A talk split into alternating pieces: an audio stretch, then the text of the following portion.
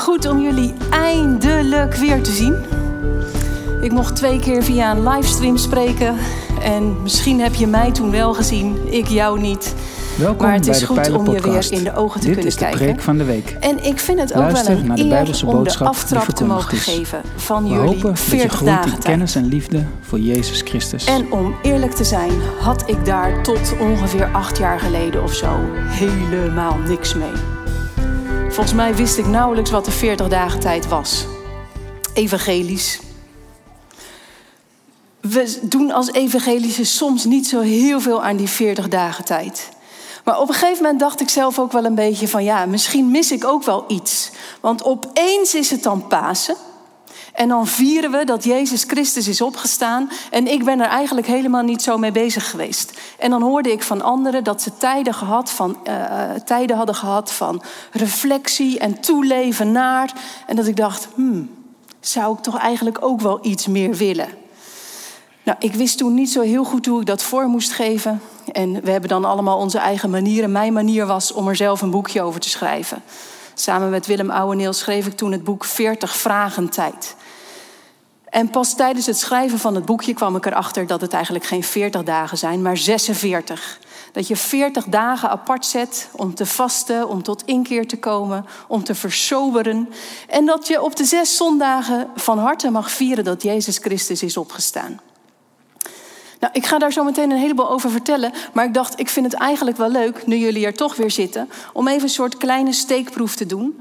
Zeg eens even heel eerlijk, wie van jullie zegt, ja, we gaan dan wel de 40 dagen tijd in. Maar ik heb er ook niet zo heel. Wilde de camera's even uit, wordt allemaal niet thuis getoond, wordt ook niet, eh, wordt ook niet ergens opgeslagen. Wie heeft er eigenlijk niet zo heel erg veel mee met die 40 dagen tijd? Ja, oh, u zit zelfs heel enthousiast te zwaaien van, ja, zie je mij wel? Ja hoor, ik zie je. Ja. Wie zegt, nou, dat snap ik nou eigenlijk helemaal niet. Voor mij is het echt zo'n periode, ik leef daar juist wel weer naartoe. Ik zie er wel weer naar uit. Ja, ge- gemiddeld. Ben jij gemiddeld? Wil jij gemiddeld zijn? Nee, ik ook niet. elke dag bezig met Jezus. Elke dag bezig met Jezus. Ja, dat kan natuurlijk ook. En, dan, eh, en, en ergens kun je dat ook zeggen. Hè? Zo van ja, ik ben gewoon elke dag met Jezus bezig. Maar ergens heeft het ook iets van seizoenen. En dat je in elk seizoen weer een beetje op een andere manier met Jezus bezig bent. En die 40 dagen tijd is van oorsprong dan een tijd waarin je dingen niet doet. Geen vlees eten bijvoorbeeld, of geen vis, of geen alcohol, of geen toetjes, of geen tussendoortjes. Jij wilt zeker lekker gemiddeld blijven, hè? Dit klinkt natuurlijk helemaal niet aantrekkelijk dat je allerlei dingen aan de kant zet. Eh, wie zegt van, ik doe, ik doe ook wel iets niet in deze 40 dagen? Ja? Wie zegt er, nee joh, ik doe juist iets wel in deze 40 dagen... wat ik de rest van het jaar niet doe? Ja? Ik ga niet vragen wat, maar ik, ik hoor soms om me heen allerlei originele dingen. Bijvoorbeeld pas iemand die zei: Ik ga 40 dagen lang ga ik iemand opbellen van wie ik denk dat hij of zij dat wel leuk vindt. Of iemand anders die zei: Nou, ik ga 40 aanzichtkaartjes sturen. Ik vind het wel een hele uitdaging, maar ik ga ervoor. En zo kun je natuurlijk iets bedenken om zo'n periode apart te zetten. Of misschien wel 40 dagen bidden voor Oekraïne. Want we hebben net gehoord, waar zit je Bert? Oh, daar. Ja. Eh, Bert, jij hebt, hebt al een onderdeel van de preek gehouden. Dat gebed op de eerste plaats staat. En laten we eerlijk zijn, soms kan dat een beetje naar de achtergrond verdwijnen. En dan kan het helpen om 40 dagen apart te zetten. Dat je denkt van nou, 40 dagen lukt misschien nog net. Alhoewel 40 ook al best een hele uitdaging is. Dus eh, we zien hè, dat het verschillend leeft. En toch is het dan goed om zo'n 40 dagen tijd te hebben. Als je er gewoon heel nuchter naar kijkt en psychologisch, dan zijn er allerlei verandermanagement mensen die zeggen: 40 dagen is een mooi aantal om een gewoonte te veranderen, om een patroon te veranderen. De meningen verschillen daar een beetje over. De een zegt 40 dagen, de ander zegt nee, daar heb je veel langer de tijd voor nodig. Maar 40 heeft natuurlijk ook een mooi bijbelse waarde. Je ziet die 40 dagen op meer plekken in de Bijbel terugkomen. Bijvoorbeeld bij Noach. Die zit 40 dagen in de ark terwijl die regen eh, 40 dagen en 40 nachten naar beneden komt. Je ziet het bijvoorbeeld bij Elia, die 40 dagen in de woestijn rondzwerft. Je ziet het bij Mozes, die 40 dagen op de berg dicht bij God is. En je ziet het bij Jezus Christus zelf, die 40 dagen door de geest naar de woestijn wordt geleid. Heel snel na zijn doop. En dat stukje, jullie lezen heel Marcus in die 40 dagen tijd. En vandaag mag ik starten met Marcus 1. Dat stukje lezen we vandaag. Over de 40 dagen tijd als het ware van Jezus. En als je je Bijbel bij je hebt, uh, het is Marcus 1 vanaf vers 9. In die tijd kwam Jezus vanuit Nazareth, die in Galilea ligt, naar de Jordaan om zich door Johannes te laten dopen. Op het moment dat hij uit het water omhoog kwam, zag hij de hemel openscheuren en de geest als een duif op zich neerdalen. En er klonk een stem uit de hemel. Jij bent mijn geliefde zoon. In jou vind ik vreugde. Meteen daarna dreef de geest hem de woestijn in. Veertig dagen bleef hij in de woestijn, waar hij door Satan op de proef werd gesteld. Hij leefde er te midden van de wilde dieren en engelen zorgden voor hem. Nadat Johannes gevangen was genomen, ging Jezus naar Galilea, waar hij Gods goede nieuws verkondigde. Dit was wat hij zei. De tijd is aangebroken. Het koninkrijk van God is nabij. Kom tot inkeer en hecht geloof aan dit goede nieuws. Tot zover even de 40 dagen tijd van Jezus. En vandaag hoor je drie vragen die jou hopelijk aan het denken zetten voor die 40 dagen tijd. Als je zegt, ik heb niet zoveel met die 40 dagen tijd, dan hoop ik dat er iets tussen zit waarvan je denkt, hmm, zo gek is het nou eigenlijk ook nog niet. En als je daarnaar had toegeleefd, dat deze vragen je helpen om juist die 40 dagen tijd weer een extra dimensie te geven. Dus drie vragen vanmorgen. En de eerste is wat jouw focus eigenlijk is tijdens die 40 dagen tijd. Acht jaar geleden of zo startte ik zelf met die 40 dagen tijd. En elk jaar doe ik dat ook wel weer een beetje anders. En afgelopen woensdag ben ik gestart met 14 vrouwen met een tijdelijke kring. En daarin hebben we allemaal dingen bedacht die we niet doen. De een drinkt geen koffie, de ander kijkt geen, uh, geen, uh, geen Netflix. Uh, en iedereen heeft zo zijn eigen keuzes. En we vroegen aan elkaar: wat is nou eigenlijk jouw focus? Want je kunt wel de hele tijd gaan denken: ja, ik ga geen 40 dagen geen tussendoortjes. Weet je, dan wordt dat een ding. Nee, alsof dat het belangrijkste is. Dat is een middel. En het doel, daar gaat het om. Waar focus je op? En we maakten even een rondje van de week. En bijna bij iedereen klonk de naam Jezus daarin door. De een zei, ja, ik wil meer ja, Jezus in mijn, leven, in mijn dagelijks leven integreren. En iemand anders zei, ik wil meer de bewogenheid van Jezus voor mijn omgeving. En een ander zei, mijn doel is om meer met Jezus in gesprek te zijn, om meer te bidden. Nou, zoiets, zo, zoiets zou je doel kunnen zijn. En vanuit Marcus 1 geef ik wat denkduwtjes, wat perspectieven die er allemaal in doorklinken. Want als je die vraag aan Marcus zou stellen, van hé, hey, wat is eigenlijk jouw focus met jouw boek? Dan zegt hij in één keer in vers 1 het begin van het evangelie van Jezus Christus, Zoon van God. Dat is wat hij wil brengen en in één keer voor het voetlicht gooit. Het evangelie van Jezus Christus, de Zoon van God. En bij Marcus zie je in één keer dat hij het hele verhaal gaat vertellen over Jezus die gedoopt wordt. Daarna naar de woestijn, ook allemaal super, het gaat allemaal super snel. Als je Marcus 1 zou lezen, je rolt van het een in het ander. Er wordt nog even iemand bevrijd van een demon, van een onreine geest. Daarna wordt de schoonmoeder van Petrus, die wordt genezen. En in één keer word je in het verhaal getrokken van Jezus Christus. Hij neemt geen tijd voor geslachtsregisters, zoals Matthäus. Hij neemt geen tijd om iets te beschrijven over de jeugd van Jezus. In één keer de volle focus op Jezus Christus, zoon van God. En dan wordt Jezus gedoopt. En dan klinkt, klinken die woorden ook uit de hemel. Jij bent mijn zoon. Jij bent mijn geliefde zoon. In jou vind ik vreugde. Het zou maar zo kunnen dat dat jouw focus wordt. Dat je denkt, die woorden, daar hou ik me aan vast. Jezus als de geliefde zoon. En misschien heb je wel eens gehoord dat je dat ook op jezelf mag betrekken. Als je weet dat je geborgen mag zijn in Christus, als je in Christus mag zijn, dat je die woorden op jezelf mag betrekken. Ik ben Gods geliefde zoon. Ik ben Gods geliefde dochter. Ik ben Gods geliefde kind. Ik zie mensen knikken. Betekent denk ik dat je het mooi vindt. En ik heb dat zelf ook elke keer weer nodig om tegen mezelf te zeggen en in de spiegel te kijken: ik ben Gods geliefde dochter. En in Marcus betekent het natuurlijk nog veel meer. Als eerste voor Jezus Christus zelf. Wat moet dat geweest zijn? Ik stel me dan zo voor hè, dat, dat, dat, dat hij een soort wordt gesupport door zijn vader. Die dan hem toeschreeuwt vanuit de hemel. Je bent het, je kunt het, je bent mijn geliefde zoon. En dat Jezus dat nodig had voor die 40 dagen daarna. Om elke keer die stem, ja, zeg maar, dat, dat, dat elke keer die stem nog in zijn hoofd zat. Je bent mijn geliefde zoon, mijn geliefde zoon. Zoals jij en ik dat ook elke keer nodig kunnen hebben.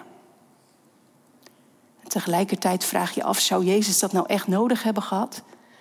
Of was het misschien nog wel meer voor die mensen die doorheen stonden, die ook die stem hebben gehoord? Jij bent mijn zoon. Wacht even. Die mensen zich misschien elkaar hebben aangekeken. Jij bent mijn zoon. Wacht even, kennen wij dat niet ergens van? Psalm 2, toch? Nummertjes hebben wij er later aangegeven, maar. En in jou vind ik vreugde. Dat komt toch gewoon letterlijk uit Jezaja 42?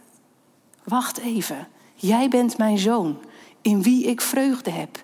1 en 1 is 2. De koning wordt aangekondigd in Psalm 2. In Jesaja 42, de dienaar. Zou dit dan de Messias zijn? De mensen zouden het kunnen weten. Dit is degene. Jezus Christus, Zoon van God. En wij weten het verhaal erachteraan.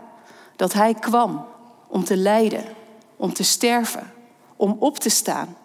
En dat zou je focus kunnen zijn deze 40 dagen, dat je steeds denkt, probeer daar elke dag aan te denken. Dat Jezus is gekomen om te lijden. Voor mij. Dat Hij is gekomen om op te staan. Om Zijn kracht te laten zien. Ook in mijn leven. Ja, laat ik daar eens voor gaan bidden. Dat er iets meer kracht in mijn leven komt. Andere focus zou kunnen zijn dat je juist op die kracht van de Heilige Geest bent gericht. Want dat zie je ook in dit stuk.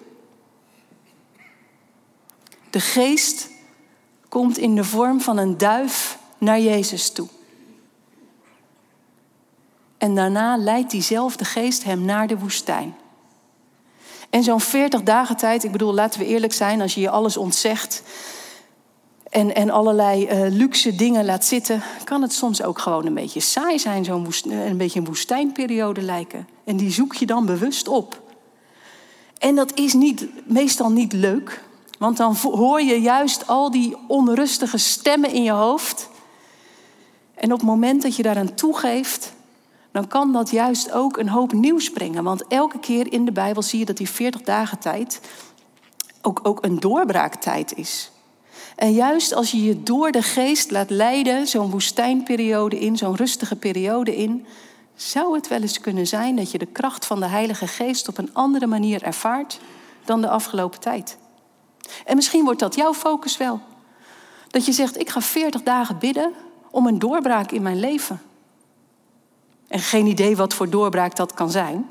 En misschien weet je dat zelf ook nog niet. Misschien weet je het wel, hè? Maar als je het niet weet, zou je daar ook nog voor kunnen bidden. Heer, is er misschien ergens een of ander iets in mijn leven waar ik een doorbraak nodig heb? Wilt u dat dan laten zien met uw geest? En wilt u uw kracht dan laten zien? Als Jezus dan in die woestijn wordt geleid door de geest, dan staat daar super weinig in Marcus. Gewoon even één klein zinnetje. Hij was tussen de wilde dieren en de engelen dienden hem. En het is dat ik vanmorgen over Marcus 1 moest spreken. Maar ik zou hierbij altijd denken: oh, ik pak Lucas wel, want die heeft veel langer verhaal. Of Matthäus, veel langer verhaal. Vind ik lekkerder om over te preken. Want er gebeurt veel meer. Dus Satan vraagt dit, Jezus reageert zus. Maar dat staat er bij Marcus allemaal niet. En in de voorbereiding dacht ik, hè, staat dat er echt? Was die tussen de wilde dieren? Nou, heb ik nog nooit gelezen Ja, ik heb het vast gelezen, maar het is me nog nooit opgevallen. En toen moest ik denken, ik was, uh, toen ik begin twintig was, woonde ik een jaartje in Kenia. Geen idee of ik dat hier wel eens heb verteld. Daar uh, gaf ik les aan, uh, aan zendingskinderen. En in de weekenden ging ik dan allerlei leuke dingen doen. Zoals op een motor door een wildpark rijden. Of het een slim idee is, weet ik niet. Maar ik deed het. Samen met een vriendin. En uh, toen waren we halverwege dat wildpark. En toen kregen wij een lekker band. En toen dachten wij, oh, hoe gaan wij dit oplossen? Nou, die vriendin die had daar wel een idee voor. Die zei, ja, we moeten natuurlijk niet met z'n tweeën op die motor gaan blijven... want dan rijden we die band aan flarden. Dus ik dacht, ja, dat is inderdaad wel zo. Toen zei ze, weet je wat, als ik nou gewoon heel rustig in mijn eentje op die motor terugrij... en jij loopt, dan, uh, dan ben ik eerder. Ja, ik sta er nog, hè. Dan ben ik eerder bij de uitgang. En dan kan ik misschien die band al fixen. En uh, ja, want dat gaat wel sneller. Dus ze zei: Ja, is goed, joh. Dus ik liep daar even later. Denk: waar ben ik, waar ben ik aan begonnen? Ik ben heel hard opwekkingsliederen gaan zingen. Of dat zo slim was, weet ik eigenlijk ook niet. toen kwam ik uiteindelijk bij de uitgang en er stond een bordje: Pas op voor die hyena's. Nou zag ik later dat die vooral s'nachts actief waren, maar toch. Ik moet zeggen dat ik best een angstige anderhalf uur of zo had... die ik daar in mijn eentje door dat wildpark liep. Tussen die, ja, weet ik veel wat er allemaal liep... maar voor mijn gevoel toch wel tussen de wilde dieren. En dan staat er dat Jezus 40 dagen tussen de wilde dieren leefde. Er zijn twee verklaringen voor. Verklaring 1 is... Jezus weet wat het is om met gevaar om te gaan. En wat het is om met de wilde dieren om te gaan. En die wilde dieren, hè, denk aan de slang in het paradijs, staan voor alles wat slecht is. Voor alles wat donker is. Voor alles wat donker ook is in je eigen hoofd. Hè. Je kunt leeuwen en beren op je weg zien. Alsof het de demonen in je hoofd zijn. De spoken die, die, die, die rondgaan in je hoofd. En Jezus weet daar alles van. En waar jij ook doorheen gaat, Jezus heeft het allemaal meegemaakt. Dat is verklaring 1. Verklaring 2 is, hij leefde tussen de wilde dieren, maar hij had nergens last van. Het was even alsof het weer het paradijs was. Want in het paradijs leefden ook al die dieren bij elkaar. En het was even zoals het ooit gaat zijn. En daarom is Jezus gekomen om te lijden, te sterven, op te staan. En dit is waar hij naartoe werkt. De nieuwe aarde.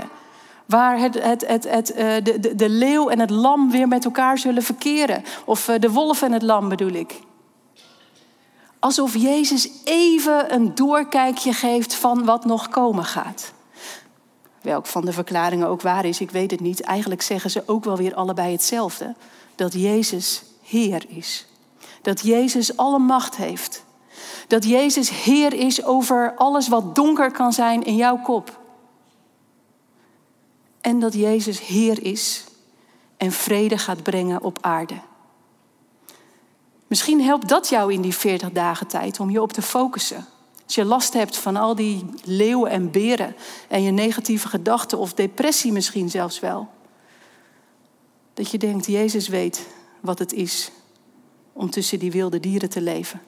En zelfs als de verklaring niet zou kloppen, mag je natuurlijk op grond van andere Bijbelgedeelten weten dat Jezus overal doorheen is gegaan en jou en mij snapt. Of dat je denkt, Jezus is echt Heer over alles en iedereen. Over de dieren, over de engelen die Hem komen dienen. Jezus is Heer over elk facet in mijn leven. En welk facet heb ik misschien nog niet bij Hem gebracht? Het kunnen hele grote dingen zijn. Het kan ook iets heel kleins zijn. Dat je gewoon heel vaak vertrouwt op je, op je eigen kunnen. Dat je denkt, hmm, het lijkt net alsof Jezus hier nog niet echt gezag heeft in mijn leven. En het gezag is wel een terugkerend thema in heel Marcus.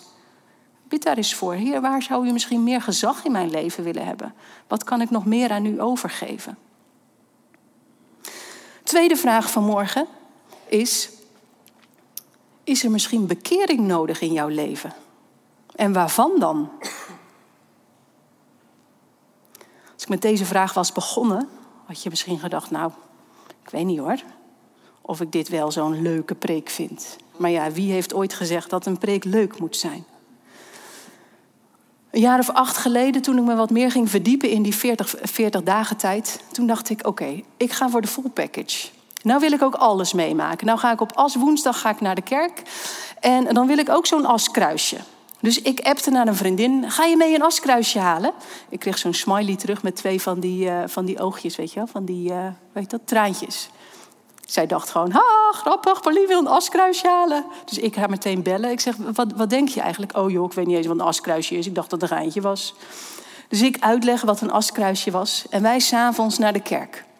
We werden ook een beetje giebelig van hoor. Al die mensen die dan van as, hè, van, van uh, het, uh, dat, dat is uh, het, het as van de palmtakken die het jaar daarvoor eh, zijn, zijn gebruikt.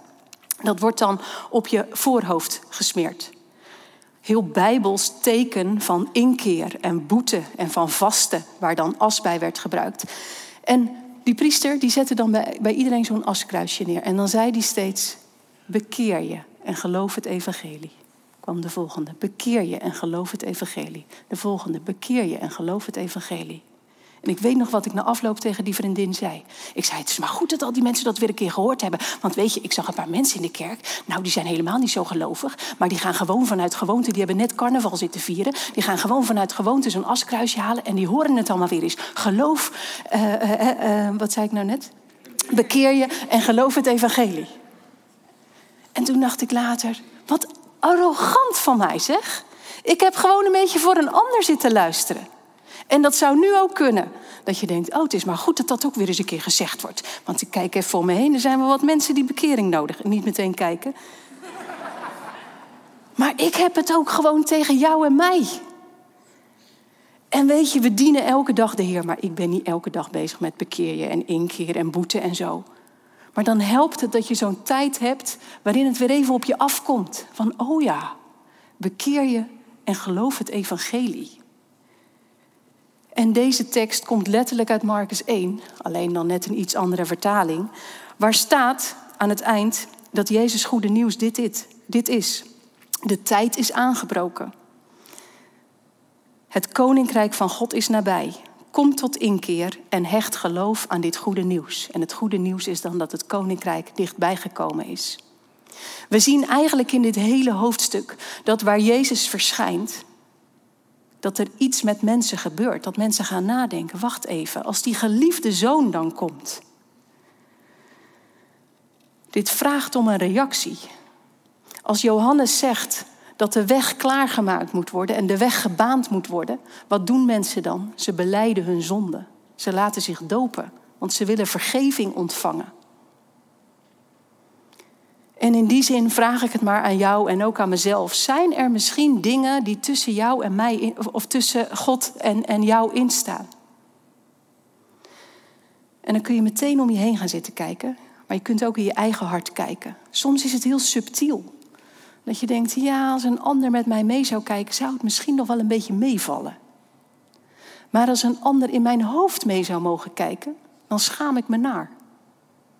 Of als ik mijn leven naast de hoge lat leg, dat ik Jezus Christus van begin tot eind van de dag als zoon van God mag zien en mijzelf als geliefde zoon of dochter. Oeh, dan valt er aan mij ook nog wel iets aan te passen en te beleiden. Of zie ik nou echt de kracht van de geest in mijn leven doorbreken? Zou ik daar niet een beetje meer naar mogen verlangen? Ook dat kun je beleiden en tot inkeer komen en daar vergeving van vragen en bidden om een doorbraak. En dan de derde vraag. Vraag drie. Wat ga jij nu juist doen en wat ga jij nu juist niet doen? Ik heb een paar ideeën genoemd van anderen. Maar zodra we dat met z'n allen gaan doen, kan het ook weer heel wettisch worden. zo van, oh, eh, neem jij, laat jij alleen maar s'avonds je chips staan. Oh nee, maar ik doe het echt veel rigoureuzer. Ik laat mijn koffie staan, dat is veel moeilijker. Weet je, alsof je daar weer gaat levelen. En een soort, uh, soort training in soberheid of zo. En natuurlijk, die 40 dagen tijd is van oorsprong een periode waarin soberheid hoog in het vaandel staat. Maar niet als doel op zich. Juist om op al die momenten dat je je koffie laat staan, of als je zo'n zin in iets hebt, of, of zo'n onrust voelt en dat je denkt: ja, ik kan niks anders dan Netflix aanzetten Dat je denkt, ja, ik kan wel iets anders dan Netflix aanzitten zetten. Laat ik eens luisteren naar de stemmen in mij. En mijn stem richten naar God.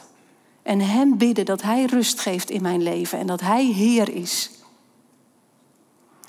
En dan kan die soberheid je brengen tot spiritualiteit. Ik noem een rijtje van drie woorden die bekend staan als, als een soort drieslag in die 40 dagen tijd. Als je niks hebt met het woord spiritualiteit, dan maak je er gebed van. Gebed, inkeer, geloof. En die soberheid kan je dan helpen om naar God toe te gaan en te zeggen: Heer, alles in mij verlangt nu naar tussendoortjes, naar koekjes, naar, nou weet ik het waar je leven mee wilt vullen. Maar u bent de enige die mijn leven echt kunt vervullen zoals niemand anders dat kan. En trouwens, als ik nu toch met u in gesprek ben, waar heb ik het eigenlijk over? Ik heb het een beetje over koekjes. Terwijl de mensen 2000 kilometer hier verderop in heel andere omstandigheden zitten. Hier, waar heb ik het ook eigenlijk over? Dat beleid ik dan ook meteen maar weer. En als ik nu toch aan het bidden ben, dan bid ik voor hen. En dan komt solidariteit om de hoek zetten. Gebed op de eerste plek. Maar ook dingen inzamelen. Geld geven. Misschien als je bepaalde dingen laat staan in de 40 dagen tijd, hou je wel geld over om over te maken naar de stichting die net werd genoemd. En zo komen ze alle drie bij elkaar: soberheid, spiritualiteit en solidariteit. En als je, één van de drie, als je, als je maar één van de drie alle aandacht geeft, vlieg je uit de bocht. Ik bedoel, wat heb je aan 40 dagen soberheid? Wat heb je aan 40 dagen bidden? Dit klinkt echt heel fout. Maar ergens zie je dat ook bij Jezaja. Jezaja heeft al een paar keer geklonken. Jezaja 58. Van joh, alleen vasten, daar heb ik niks aan.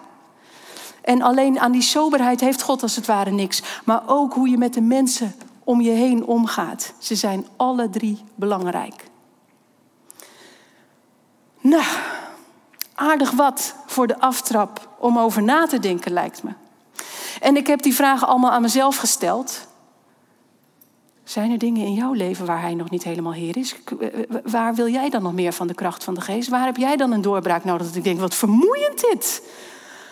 Ik weet het zelf niet eens. Maar ik leg al die vragen toch maar neer. Niet dat je ze allemaal vandaag moet beantwoorden. Maar pak die ene vraag eruit die jou triggert. En dat je denkt, daar zou ik wel eens iets langer over na moeten denken.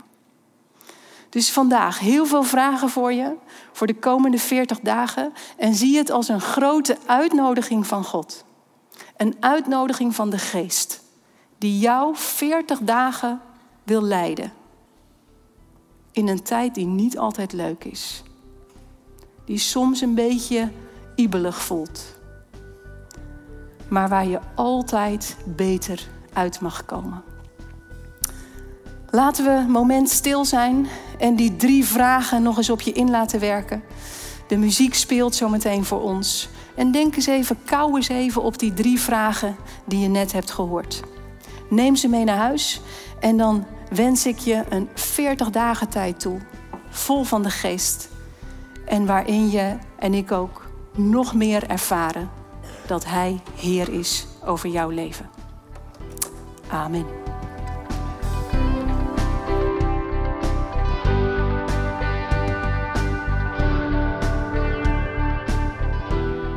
Bedankt voor het luisteren naar deze aflevering van de Pijlen Podcast, Preek van de Week. Heb je vragen naar aanleiding van deze preek? Stel ze. Dat kan via een e-mail naar onderwijs.pijler.nl. We helpen je graag verder in je groei als leerling van Jezus Christus. Abonneer je op deze podcast, zodat je altijd op de hoogte blijft van het onderwijs uit de Pijler. Goede week gewenst, ga in vrede, want God is nabij.